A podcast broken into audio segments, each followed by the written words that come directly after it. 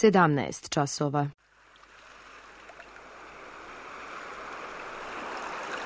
Radio Televizija Srbije. Radio Beograd 2.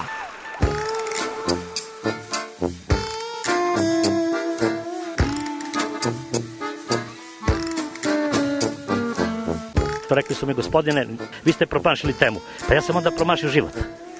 I ne znam šta će da budu sam. Kaže, ja ne mogu više da te čuvam. Šta da ti radi, kaže, snađi se kako znaš. Mi smo kao u kafesu. Za nas to je najmrtvo. To je mrtvo za nas, naročito. Ja bih željela neko da me usvoji. Da bih željela. Govori da bih te video. Program dokumentarnog zvuka.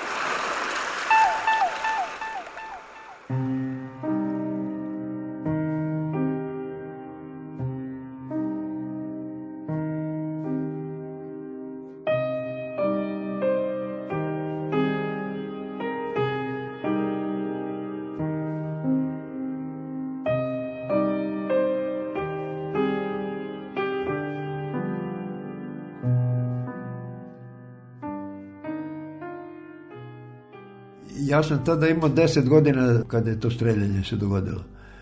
Sigurno da mnogo toga je se obrisalo. Ali ono što sam zapamtio, to je za sva vremena.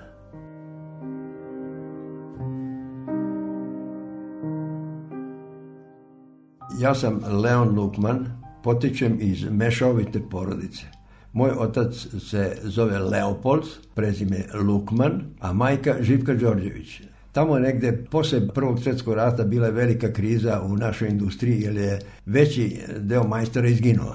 I država, odnosno grad Aleksandar, je raspisao konkurs za Kragujevac za vojno-tehnički zavod da dovede iz inostranstva majstore. Tako je moj otac to saznao i došao je u Kragujevac bio popularan kod Srba i kod Crpkinja, kod moje majke, ako se moja majka zagledala u njega.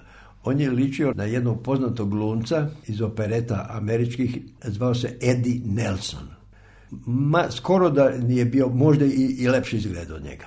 Srpkinje ludovala, živka moja majka živka, odmah ga je zarobila. I oženio se tamo negde 1928. godine. A ja sam rođen 1931. 27. oktobra na sred Svete Paraskeve. Možda i zato ovoliko i trajem. Imam neku zaštitu i njenu. Moj otac kad je došao, on nije znao srpski. I moja majka koja praktično nema neke škole domaćica, naučila perfektno nemački. I kada smo došli na Hemci, ona je pomogla u mnogim slučajevima da ovaj bude i prevodila, ne zvanično, nego onako, u tim nesretnim slučajevima. Ona je bila veoma sposobna žena. Bila je odlična domačica, ali je bila komandant. Ona je glavni komandant bila u kući. Moj otac je bio, zvali su ga ovca. Tako da je on bio, čak je neki put toliko bio poslušan da smo i mi deca mu zamerali to. Živka su, nju su zvali Kurijak. Kurijak. a to je dobila ime za vreme rata. Ona je iz, poreklom tamo iz Batočine negde. A tu su žene veoma borbene. I tako Leopold natrču na minu. E sad, on je bio ozlojeđen i ogorčen je bio na svoj narod. Nije da, da je mrzio sad on nekog, nego jednostavno je ogorčen zbog toga i rekao je, kaže, nemački nećete učiti, a i majka i on govore na nemačkom u kući, a mi deca ne smemo da govorimo, kaže, nećete nemački, poslije i on dobro nauče srpski i tako je ovaj, prešli smo na srpski. Ono što je bilo interesantno, bio je mali spor oko religije. Moja majka je pravoslavne vere i oni su se dogovorili zvanično šta mora da se uradi da se uradi, a oni će da slave i jedne i druge praznike. Kad smo mi deca došli, moj imam samo brata još jednog, koji je mlađi od mene, mi smo morali da idemo u katoličku crkvu i u pravoslavnu.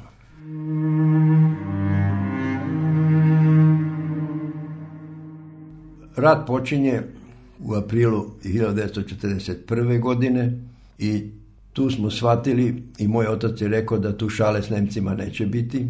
da on zna sebe, zna nemačku istoriju i rekao je da, da moramo da se spremimo za najgore. Kad su Nemci ušli, bilo je interesantan jedan događaj, naša propaganda ili ne znam kako se to prenosi, navodno naša armija je osvojila Sofiju. U Kragovicu je bila ta pronela se ves osvojila Sofiju. U centru grada se okupila jedna velika grupa ljudi koji su se radovali tome, pobedili smo tamo, osvojili smo to, kad odjednom čujemo motorciklisti. Ja gledamo Nemci, to je ona izvidnica koja ide na kako to mi osvajamo Nemci u Kragujevcu. E, Nemci kada su došli u Kragujevac nisu se ponašali baš kao okupatori prva dva mjeseca. Pošto oni nisu imali kasarne, nego su imali kao neke logore na otvorenom terenu pod šatorima, a mi smo odmah bili preko puta. I komuniciralo se sa njima, razgovaralo se Nemcima. Pošto nisu imali vešernice, nisu, oni su od građanstva prali veš preko naših žena. Drugo, mali oni cigančići, oni su im čistili cipele, oni za, za održavanje higijene nisu imali neke bog zna kakvu sliju. Onda je građanstvo to radilo.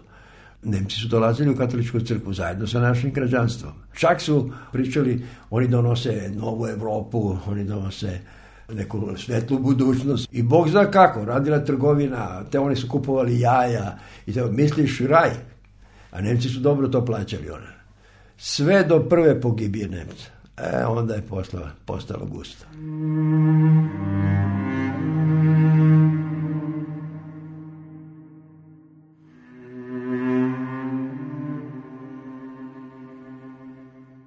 Pre streljanja Nemci su saznali saznali su da je brat moga oca Rudolf da je, da je u Mathausenu, zato što je bio antifašista. 17 Lukmana je stradalo zbog njegove političke karijere deca sva i cela familija, jedan deo u logore tamo kod Osijeka negde, to su blaži logore, nisu bili koncentracioni, a ove u, u 17, ovih u Jasenovac, odnosno ne zna se tačno da li je Mathausen ili, ili je Jasovinac u pitanju. Istraživački institut u Jasenovcu je objavio i danas na internetu, možda vidite pod L, slovo L, 17 lukmana. Rudi, tamo vidjet ćete, to je moj stric i Marija, njegova, njegova supruga, moja strina. Ljotići su insistirali da se to proveri i moj otac je ovaj, krenuo da beži preko Sarajeva i da ide u Sloveniju, tamo je znao gde Bože možda se skloni, ali nije znao da je tamo očišćeno sve, nije moglo nikako. Najbolje je bilo u Srbiji da uhvate ga i pošalju ga u jedan logor se zvao Cingmaringen, to je na Švarcvaldu negde. I rado je u podzemnoj fabrici, tu je četiri godine bio i ostao živ. Bio dobar majstor i verovatno da se malo iznašao i tako. E, što se tiče moje majke Živke Đorđević, gubi muža, odlazi muž, ostaje bez, bez zanata, nema nikako školu specijalnu, nema mogućnosti da se zaposli i šta sad mora da se uradi? Ona svata da, pošto je otac dosta su imali, nakupovali su stvari za vreme onog mirnog perioda i jedino je moglo sada te, te stvari da, da prodaje polako. I to je u selu najviše moglo da se radi. I ona je znala puteve kako da se izađe iz Kragujevca i kako da se uđe u Kragujevac, a da te niko ne vidi. Moglo je da se ide, ali uvek imaš one patrole, kontrole i tako dalje. Ali ona je znala da to sve bude bez... I to je Živka znala. To, to su i četnici saznali i ona je morala više puta da neke zadatke njihove obavlja, da dovedeš ovoga, dovedi onoga po tim putevima, tim bogazama gde, gde nema kontrole. Pošto je sama ostala, znala je da mi deca nismo ni shvatali kolika to žrtva. Ona je ogrev isto nemaš nigdje kupiš. Znači morao si da doneseš drva kako znaš i umeš, a ne sme seljak nije smeo da uđe u Kragujevac. Dosta dugo, posle onih streljanja i to. Onda je ona išla pešice 15 km na leđima je nosila nosila drva, samo da bi evo deca mogla da se ogreju i da, da se opstane. Hrana isto tako. Za ono što si imao u kući, za me, menio si za hranu. A to je trajalo sve do kraja 43. A posle toga bilo je veoma žestoko i problematično kako opstati. Pošto je tada već ponestalo i novca i ponestalo je i hrane, ničeg više nije bilo. Mi deca smo, moramo da idemo u školu, onda smo morali da od obuće, da se snalazimo na neki čudni način, da vam to ne kažem. I šta je Živka smislila? Ona je sa jednom grupom tamo iz otpora, sa nemačkih kamiona skinula unutrašnje gume, pošto su po dve gume pozadnje skinula i od tih guma su napravili deci cipele, odnosno to se zove kondore se zvale. E, to je bila živka. Kod nje nije bilo ono da se gubi. Ona je bila fajter. Kod nje samo pobeda poznala. A to je prenala na mene posle kao sportista. Ja sam, zahvaljujući e, tim osobinama, njenim osobinama, postao vrhunski sportista.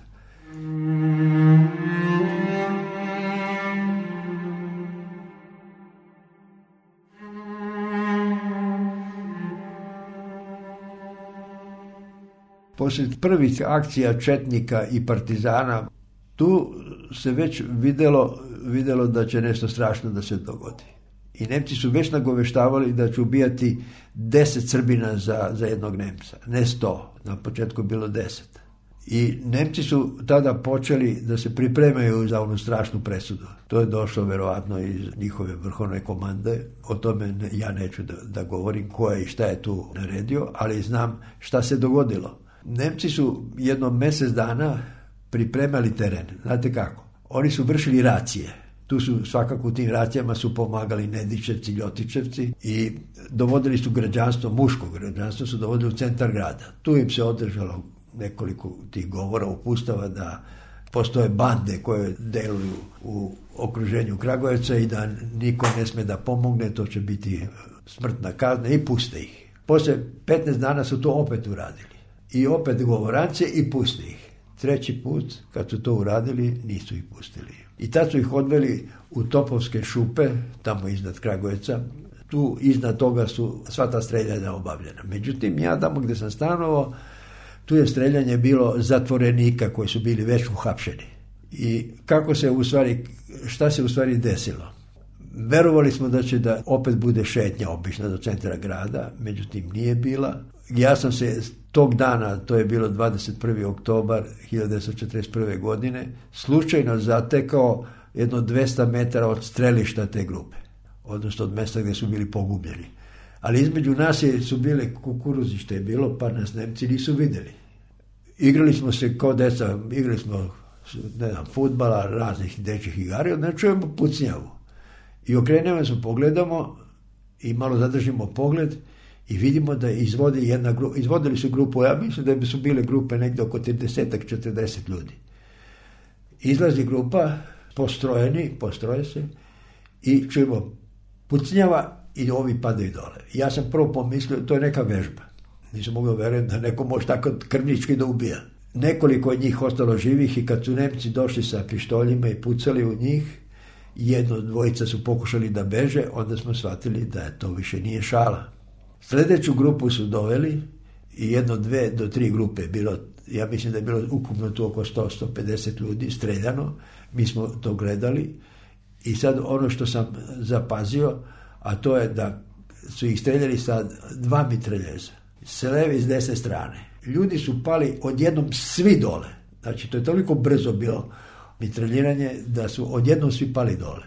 Da napravim jedno upoređenje, kasnije je snimljen film o Kragovicu i streljanju čuveni naš e, režiser Tori Janković.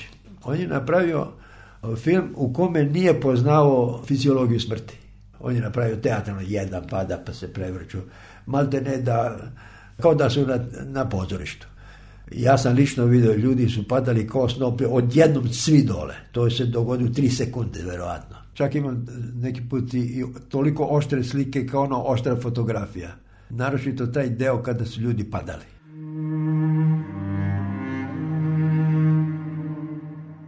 Žene su već sve na prozorima poslednje kuće gledale streljanje. Opšta kuknjava je nastala.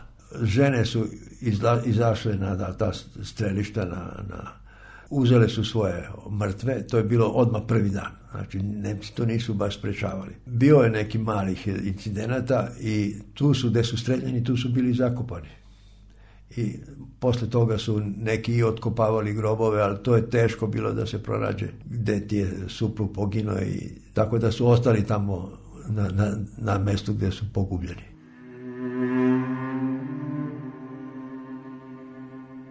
Jedan dan ranije oni su doveli, sve te zatvorenike su doveli u tu autokomandu i tad sam u toj koloni vidio dve žene. Da li su one posle Ovo nisu streljani ili ne znam šta se dogodilo, ali sam to vidio. A na kraju kolone video sam jednog starca koji nije imao jednu nogu, sa, sećam se imao brkove sede, veliki, ja čovjek gromada, sigurno imao dva metra, ali nije jednu nogu i sa štakama išao. I pošto je ova kolona odmicala, odmicala je kolona ispred njega, jedan Nemac je ostao pored njega polako, sa njim je išao. Ono što je mene zaprepastilo i ja sam se našao na jednom mestu, to je bila kafana Lepi izgled. Taj streljački vod, to nisu bili ovi Wehrmachtovi vojnici, to su bili specijalna kaznena ekspedicija.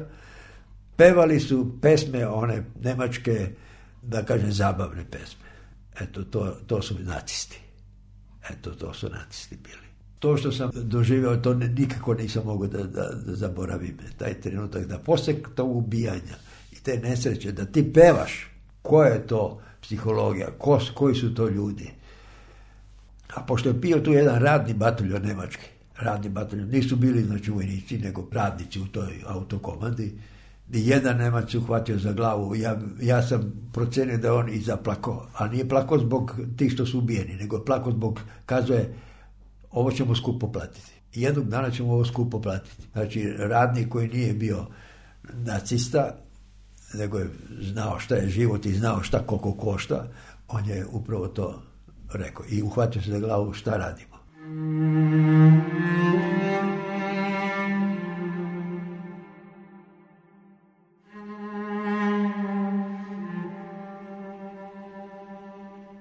Kragujevac nije, ja mislim da, da jedan jedini čovjek nije posumnio da će ovako nešto se desiti. Da će nevine ljude bez suda, bez ičega streljati. I niko od tih ljudi nije pokušao da beži. I zbog ove finte što su bili pušteni posle tih racija. A drugo što smo imali dosta dobro ovaj, taj odnos i sa Nemcima i, i nemačka propaganda, i istorija Nemačka. Slušajte kako su to čuveni naučnici, muzičari, Nemačka je veličana bila i tako je možda bilo i vaspitanje. To pred sam, pred sam rat. Pred sam rat. Tako da niko nije posumnjao da će to da urade Nemci odnosno njihovi nacisti. Ne, jednostavno su, bili smo zgranuti, zbunjeni i posle streljanja nismo ništa preduzeli. Čak moja majka koja je znala situaciju da su tu četnici i partizani, bili su tada partizani još u Srbiji, 41. posle su bili potisnuti prema Bosni, rekla je kaj, gde su, kaže, ti šumski, tako su izvali, šumski, da, da spreče ovaj pokolj, nego tamo prave problemi, zbog njih su nas streljali.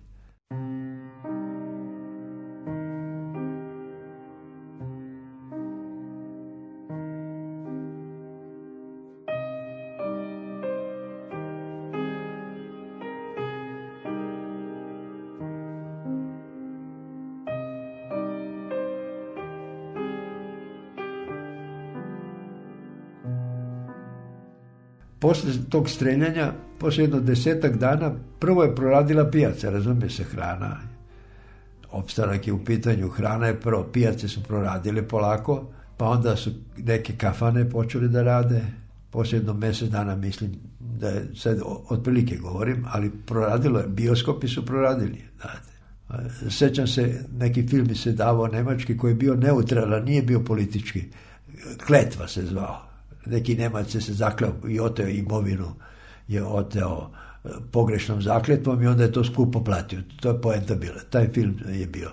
Ali i kružili su i, i vicević već na račun ove naše nesreće. Prvi vic je bio u vezi sa Romima. Da je neki Rom koji je ostao živ i zatrpali su ga živoga, pošto je bilo to plitko jedan metar, on je noću pokušao da se iskopa, ali nije znao da je tu i stoji straža Nemačka i Nemac je halt, stoji, a Rom mu je odgovorio, mi smo tad ih nazivali cigani. Ta halt kaže, idem, da, idem u WC pa ću se vratim. To je, eto tako, e, znači da nismo izgubili razum potpuno. Znači, to je verovatno i možda presudilo da i dan danas postojimo. Vitalnost i duhovna i fizička, znači, opsali smo, tu smo.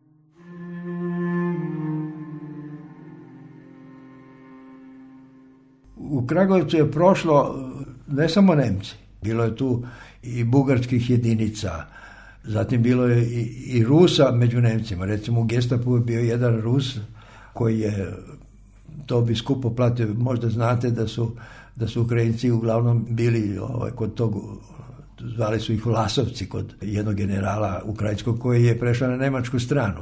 Bili su na licu mesta streljani od Rusa. Ne, nije bilo suđenja za njih. Jedan takav Rus bio je u gestapu i prešao je u, u Četnike. Odnosno, otišao u šumu i tamo zateko Četnike. Bila je jedna jedinica koju mi nismo znali šta su, bili su u plavoj uniformi. Plava teget uniforma. Kad smo se raspitali, to su bili kvislizi, da ih tako nazovem, to je jedna jedinica holandska. Holandjani su to bili. I kolanđani su kraj 43. početkom negde 44. shvatili da je Nemačka propala stvar. Hitler je propao i Hitler kaput i moju su majku zapitali da li bi oni mogli da ih ona odvede u šumu. Oni su rekli, bilo bi dobro ako bi tamo bili partizani. Moja majka rekla, partizani su u Bosni, to je stotini, stotini kilometara. Nego jedino su tu četničke jedinice, to je neka monarhistička kombinacija. I oni su to prihvatili, priznali. I jedno njih petorica, moja majka ih je, razume se, prvo je rekla četnicima da, da li hoće da ih prime. I ona ih je tim putevima gde niko ne, nije znao, ni Nemci, ni Četnici, nije bilo tih prepreka, ona njih tamo odvede. Jedan se zvao Luj, jedan Edi. To se seća samo. One ostale ne znam. A jedan koji nikad ništa nije govorio, zvao se Čutko. Verovatno da njihova rodbina i ne zna da su tako prošli. Evo ja prvi put javno kažem da lujede, ali ne znam prezimena kako su. Možda ako ih neko ovaj, u Holandiji nekako prepozna na ovaj način. I razume se, sve je lepo prošlo i poslije mesec dana ja odem, oni su obučeni čubare, četničke kokarde, četnici, redenici pravi. Rekao sam moje maci, kažem, ako dođu partizani, šta ćeš onda da radiš? Kaže, to ćemo još da vidimo. I sad jedan detalj. Sedimo mi kod kuće, a kod nas je u Kragovicu je prošla ova afrička, nemačka Romelova divizija. I bili su stacionirani i rekvirirali su stanove, odnosno po jednu sobu. I nama su uzeli jednu sobu. Njih tri oficira, vrhunska nemačka oficira su bili kod nas. Bili su jako kulturno se lepo ponašali. Sasvim neki drugi Nemci. I moja majka im je recimo rekla šta je bilo u Kragujevcu da su streljani. Oni nisu to prihvatili. Kaj to nije istina. To nisu Nemci uradili. Da vidite. U to upadaju tri prelepe devojke, a to su holanđani ovi bili. Marame, našminkani, misliš, Bog zna ovaj koliko su to lepe srpkinje.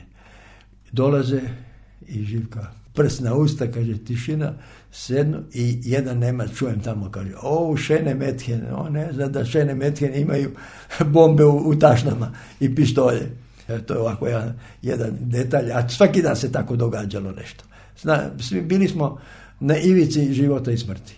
I jednog dana dolazi vest, svi su izginuli, samo Čutko je ostao živ zarobljen je dole u zatvoru.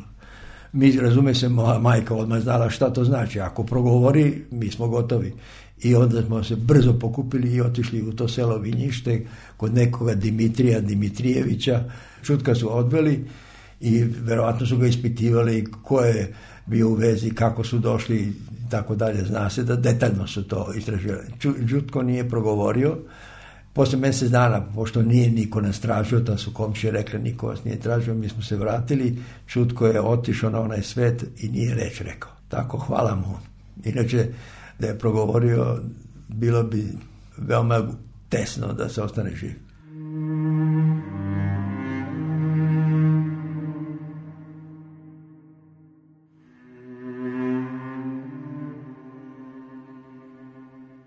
I tako došli smo do tamo negdje oktobra meseca 1944.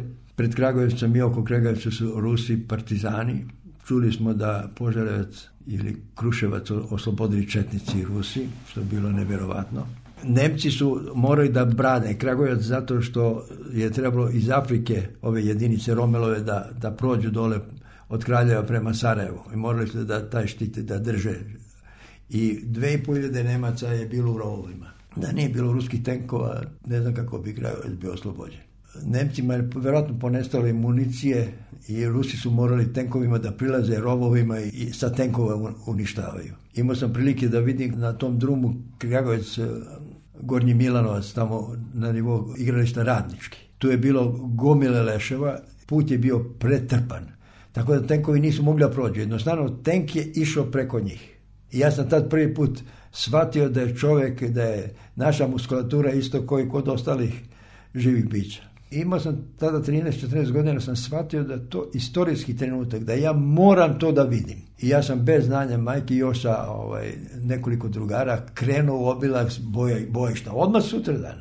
Nemci još leže po rovovima. Mine još nisu sklonjene. I imali smo sreću da, da niko ništa nije ovaj, nagazio ili da je na nekog Nemca naleto koji je još bio živ. Bilo je tu Nemaca koji su bili još živi. Partizani su povukli odmah svoje žrtve i Rusi I mi kad smo došli do stadiona, do igrališta radničkog, zamislite, isutra 9 sati negde, deca igraju futbal na igralištu. A 100 metara odatle tranšeji puni mrtvih Nemaca. Život je život. Četiri godine smo navikli na leševe i to naše, sad, sad su njihovi. Suludo, je li tako? Eto, to je bio život.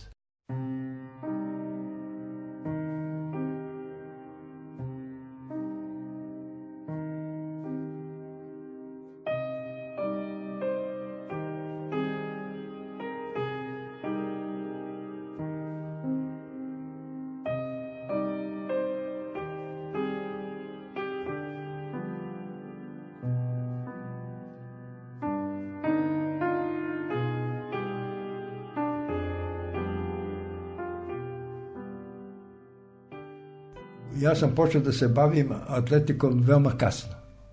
Sve to što se događalo u Kragujevcu i to posle, odmah posle rata nemaština, nije bilo uslova za sport.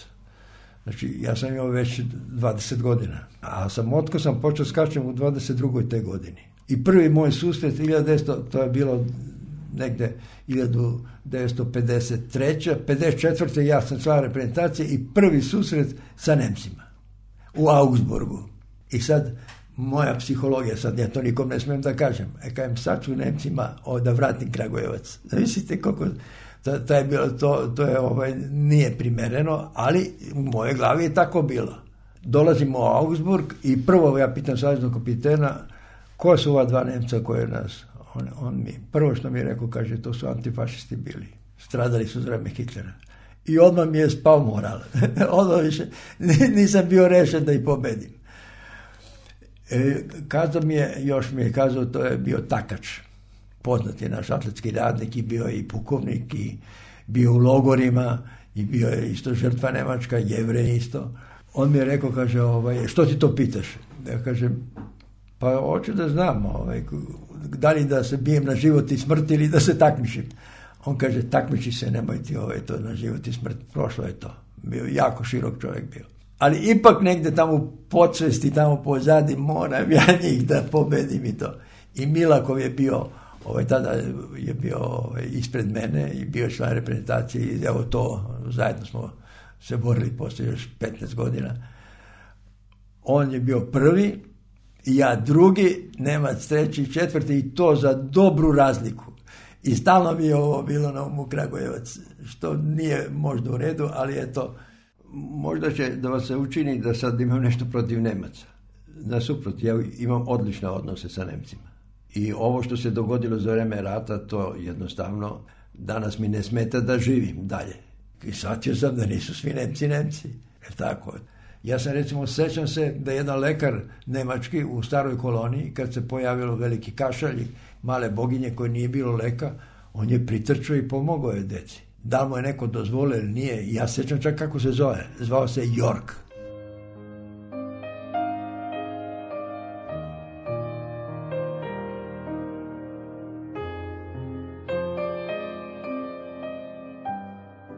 Ove osobine koje sam za vreme okupacije stekao i, i doživeo, možda sam i očvrsno, ali to je moja genetika, moja priroda, to je moja majka u meni. Fajter. Mislim da, da većina i mojih drugara i svi da smo to ovaj, junački podneli. Ako se sećate, Nikola Tesla je rekao jednu poruku koju je ostavio srpskom narodu. A to je za mene važnije nego onaj njegov trofazni motor. Rekao je, onaj ko neće da radi, znači da uči, da radi, onaj ko neće da se bori i da trpi, znači i da trpi, da istrpi život, taj mora propasti.